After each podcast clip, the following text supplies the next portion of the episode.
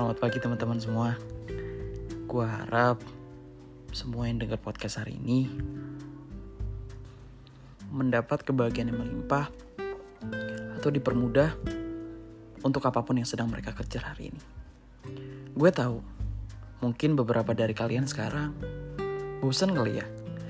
100 hari di rumah doang ya kan. Terus kayak cycle kehidupan sehari-hari hanya bangun tidur, mandi, sahur, sholat, tidur lagi bangun entah kapan, buka puasa, mungkin ada yang sama kayak gue, atau mungkin kayak gue minggu-minggu ini udah mulai magang online dan ternyata chaos. Tapi ya namanya juga hidup, ya kan? I mean, by the title, you can read above. Hari ini gue mau bahas tentang growing up. Duh, berat. Sebenarnya nggak berat sih. Growing up tuh ternyata menjadi salah satu hal yang gue banggain untuk progres hidup gue. Kalau teman-teman inget ya mungkin, inget gak sih? Pas kecil, kita semua kayaknya mimpi deh. Bukan mimpi pas tidur ya, ngorok, terus bangun, ileran. Enggak. Maksud gue di sini kayak ada yang disuruh mungkin pada saat TK. Kalian gambarin apa yang kalian pengen capai. Kalau kalian sudah besar, oh kita pas kecil semuanya pengen jadi macam-macam. Ada yang pengen jadi dokter hewan, ada yang pengen jadi polisi lalu lintas, ada yang pengen sekedar jadi Superman bisa terbang melayang-layang melewati galaksi Bima Sakti dan menyelamatkan orang-orang. Pas kita kecil, kita punya mimpi. Tapi ternyata gak semua orang seberuntung itu. Biasanya nih ya kalau kalian udah mulai tua dikit di sinilah realita menampar. Menampar itu nggak sepenuhnya buruk sih. Maksudnya realita itu for me it's both beautiful and horrifying at the same time. Kenapa sih kok serem tapi kok cantik? Kenapa ya? Realita ngajarin gue kalau kadang emang lu harus lu harus dibanting-banting dulu. Lu harus nangis-nangis dulu. Lu harus ngorbanin banyak hal untuk bisa capai apa yang lo mau capai. Growing up ngajarin gue kalau setiap action yang lo ambil pasti ada konsekuensinya. Lagi-lagi entah itu yang baik entah itu yang buruk. Dan menurut gue pribadi di saat lo ngelakuin satu kesalahan walaupun ntar outputnya jelek lo pasti belajar sesuatu dari itu. Gak mungkin gak kecuali lo nolak untuk belajar sesuatu dari itu. Gue mau cerita dikit ya. Dulu itu pas SD um, mungkin ada yang kepo tapi sebenarnya ini cerita pernah dulu gue up pas gue masih uh, maba. Jadi waktu itu gue punya grup camaba camaba UI guys bayangin. Terus udah kayak gitu gue pengen banget masuk ke sana. Ya gue gue mengemban mimpi dong sama teman-teman yang ada di sana terus kayak pernah ada satu malam di mana bahasannya itu tinggi banget. Kita bahas tentang masa lalu dan rumah tangga dan kawan-kawan. Gue nggak pernah gak tak lebih tepatnya gue nggak tahu apakah gue masuk kategori broken home let's say. Karena gue pikir seada problem-problemnya di rumah I grew up thinking that my feeling doesn't matter. Remember? Jadi kayak gue nggak gue nggak pernah ngebandingin apa ya kasus gue sama orang lain karena gue nggak tahu separah apa kasus orang lain gitu. Dan gue baru tahu itu growing up gitu kan. Ada beberapa teman-teman yang kayak setelah dengar mereka bilang kayak kok kamu bisa kuat sih? Kok kamu bisa kuat sih? Kok kamu bisa kuat sih? Dan aku selalu yang kayak berpikir bahwa um, tapi aku fine fine aja gitu sampai sekarang. Bahkan ada orang-orang yang lebih berat atau bahkan di bawah kita atau mungkin sama. Tapi kan lagi-lagi mungkin ya kapabilitas setiap individu buat handle problem kan beda-beda. Makanya lah ada kata-kata di mana Tuhan gak akan kasih cobaan yang lebih berat dan hambanya gak bisa handle. Dan gue sampai gue sampai detik ini masih percaya sama saying itu. Kenapa? Soalnya gini loh, pas gue SD ini gak jelas sih, bukan gak jelas ini kayak mungkin kaget ya ada teman-teman yang kaget denger ini. Jadi gini, dulu itu pas gue SD uh, buat teman-teman yang tahu satu sekolah sama gue satu SMA sama gue satu kuliah sama gue mungkin atau pernah kerja bareng sama gue kan pasti pernah lihat nama panjang gue kan? Nama panjang gue itu Ence Muhammad Rifki Rivaldi. Pas gue kecil gue selalu menanyakan nih satu hal kepada bokap dan nyokap gitu. Pak kenapa sih namanya ini gitu kan? Dan gue tuh selalu bawa hati ke dalam apa pun itu karena gue pikir ya memori itu untuk dikenang gitu. Bukan sekedar lewat terus hilang aja gitu. Atau apa pun itu deh. Kayak misalnya nama adalah pemberian orang tua. Ya gue jaga gitu loh. Jadi pas kecil gue tuh cuman kayaknya cuman gue deh. Satu-satunya anak kecil yang gak terima kalau nama bokap nyokap dijelek-jelekin. Karena gue pikir satu mereka nggak salah apa-apa. Dua kayak sampai up, maksud gue gue nggak tahu titik di mana itu tuh jadi appropriate untuk dijadiin jokes gitu. Terus kayak dari kecil gue udah mikir kayak gitu. Terus um, pas kecil kan uh, dulu kan gue pernah posting story di Instagram ngomongin tentang kayak dulu itu pas kecil gue struggle banget dikatain bencong sama teman-teman. Nah nama yang tadi itu sama mereka dipleset-plesetin. Gue pas kecil itu seneng banget sama Bandung karena gue pikir lagi-lagi ya karena orang tua gue sibuk kan gue tiap kali liburan otomatis ke Bandung dong ketemu sama sepupu gue di Bandung gue ngerasa kayak dimiliki di sana gue ngerasa kayak gue ada yang nanyain makan pagi lah ada yang nanyain makan siang lah ada yang nanyain udah mandi atau belum gue ngerasa di sana diperhatiin dong. Jadi kayak um, kayak bukannya gue melupakan sama Rinda enggak. Cuman lebih kayak hati dan my soul my my soul and my heart itu ada di sana gitu. Jadi kayak banyak banget hal tentang Bandung yang nyangkut di gue pas kecil. Gue nggak tahu apakah itu salah di mata mereka pada saat itu. Katanya lah gue katanya di Bandung itu banyak bencong. Katanya kalau misalnya um, apa itu namanya uh, gue ngomongnya pakai logat Sunda gue bencong. Gue nggak belong in the society or something like that. Bahkan ada satu orang yang dulu pernah ngajakin gue gigolo pas gue umur 7 tahun dan gue sama sekali nggak tahu itu artinya apa.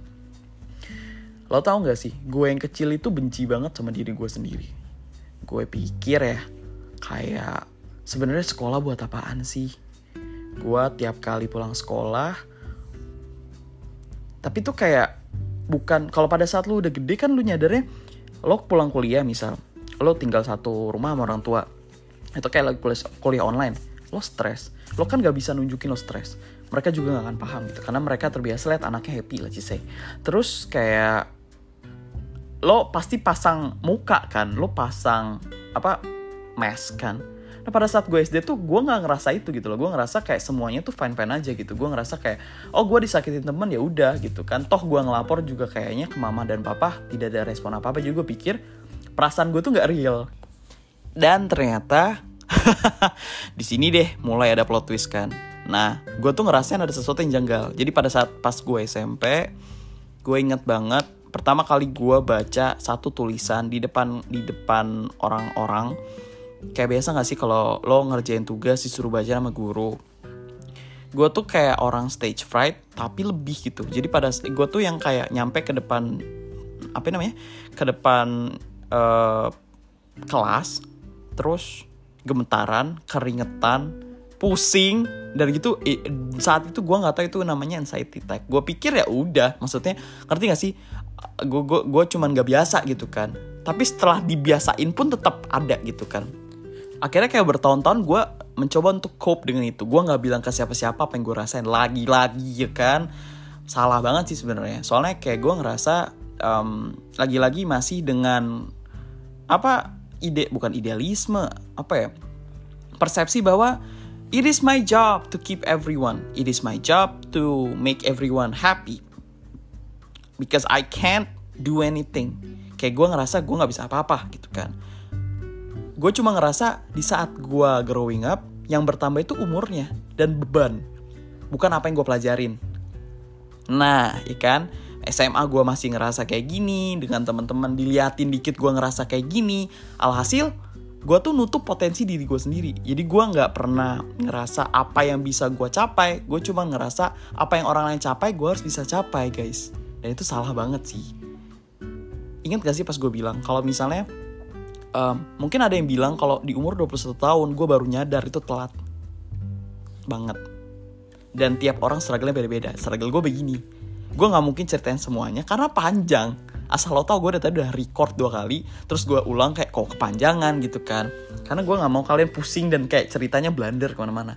Intinya intinya adalah pada saat gue lihat ke belakang banyak pakai banget hal-hal yang sebenarnya bisa gue syukurin bisa gue pelajarin bisa gue bawa untuk survive di kehidupan di lain hari. Bukan bukan akhirat ya maksudnya jauh kejauhan. Gini ada kan orang yang pernah ngomong kalau misalnya uh, kalau lo ngerasa masa lalu itu buruk lo tinggalin lo jadi orang baru. Kalau kata gue daripada lo jadi orang baru ya mending masa lalu lo ajak. Your past self itu lo ajak ke timeline yang sekarang karena kalau lo berdiri di depan kaca sekarang, orang yang lo lihat di depan kaca, kalau bukan gara-gara masa lalu lo, lo nggak akan kayak gini bentuknya. Lo nggak akan jadi orang yang kayak sekarang kayak sekarang gitu kan. Lo mungkin jadi orang lain, versi lo yang lain. Kita kan nggak tahu. Jadi menurut gue daripada lo benci masa lalu lo, gue nggak bisa judge semua orang punya masa lalu yang baik. Mungkin ada masa lalu yang mereka benci gitu kan. Gue juga punya banyak aib kok. Gue juga banyak uh, cerita-cerita yang tidak enak sebenarnya gitu kan. Gue banyak banget nyadarin hal-hal yang sebenarnya orang lain udah sadarin dari kemarin-kemarin. Di umur 21 tahun ini gue belajar kalau sebenarnya lo mau ngecewain orang lain baik sengaja walaupun gak sengaja ya nggak apa-apa. Dan kalau perlu di, dikecewain sama orang lain ya itu juga nggak apa-apa. Kalau ada temen lo atau siapa pun yang punya jasa di hidup lo. Mau pergi dari hidup lo lo udah coba untuk tahan dan mereka tetap mau pergi. Ya udah let them go. It's not your job to keep everyone intact.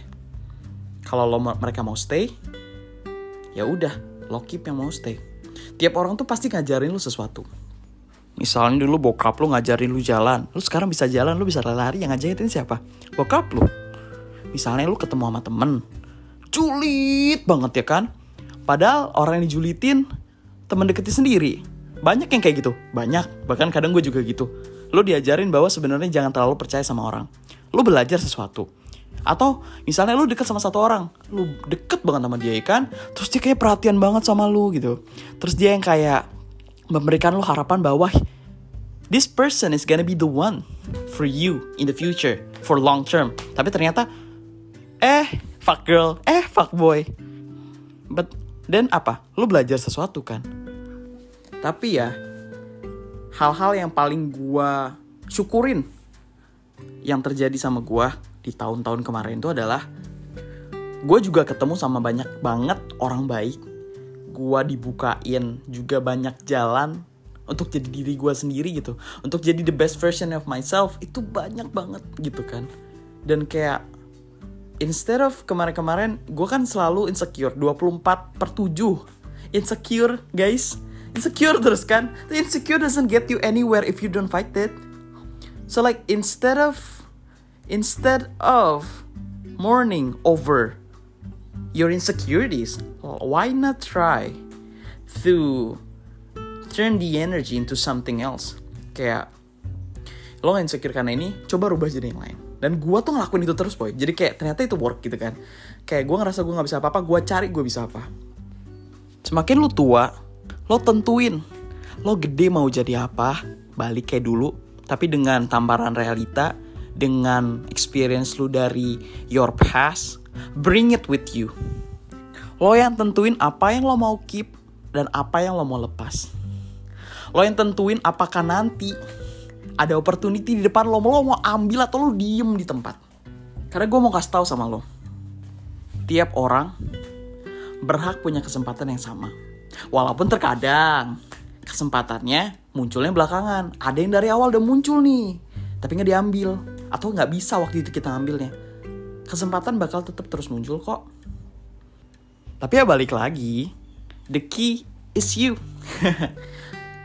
But let me tell you something life is beautiful, life is also exciting, and last but not least, life is worth looking forward to. Life is a challenge, guys. You either do the challenge or you get left behind. It's like the trends, you know? Challenge? No? okay. The real question is Are you willing to live your life to the fullest? Karena buat gue sekarang, gue excited banget buat growing up. Gue excited banget buat tahu in the future gue bakal bisa jadi apa lagi ya gitu. Segitu aja dari gue. Maaf tadi ada background um, ngaji karena gue bikinnya tadi subuh. Semoga berguna. Sebenarnya lebih untuk perbacotan untuk diri gue sendiri sih karena tadinya niatnya mau dibikin untuk dalam rangka menginjak umur 21 tahun. Tapi mager, jadinya baru bikin sekarang. Q Podcast. Peace out. Thanks guys.